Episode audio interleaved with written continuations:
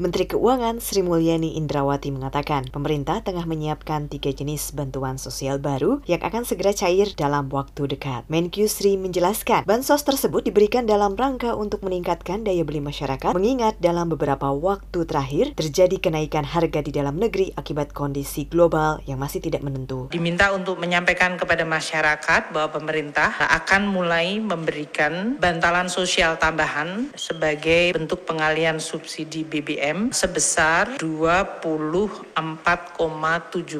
triliun rupiah. Ia menjelaskan bantuan sosial tambahan tersebut terdiri dari 12,4 triliun rupiah yang akan diberikan kepada 20,65 juta keluarga penerima manfaat. Bantuan tersebut akan diberikan dalam bentuk bantuan langsung tunai atau BLT yang akan dibayarkan oleh Kementerian Sosial sebesar Rp150.000 per keluarga sebanyak empat kali. Bantuan sosial kedua akan diberikan kepada 16 juta pekerja yang memiliki gaji maksimum 3,5 juta rupiah per bulan. Bantuan itu akan diberikan sebesar Rp600.000 per keluarga. Anggarannya, kata Menkyu, mencapai 9,6 triliun rupiah. Terakhir, pemerintah daerah juga diminta untuk melindungi daya beli masyarakat lewat peraturan Menteri Keuangan dan peraturan Menteri Dalam Negeri. Nantinya pemerintah daerah wajib menganggarkan setidaknya 2% dari dana alokasi umum dan dana bagi hasil untuk diberikan kepada rakyat dalam bentuk subsidi transportasi untuk angkutan umum,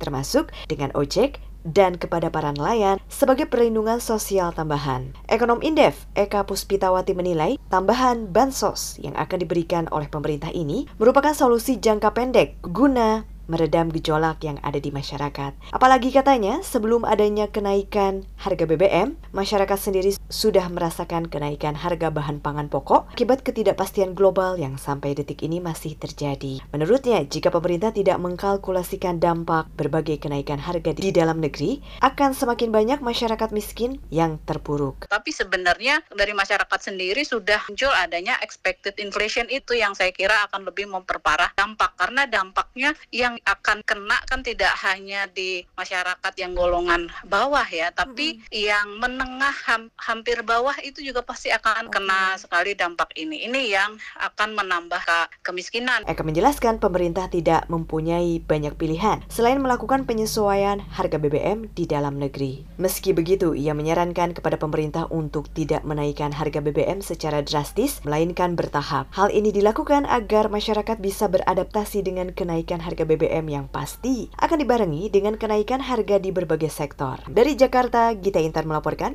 untuk VOA Washington.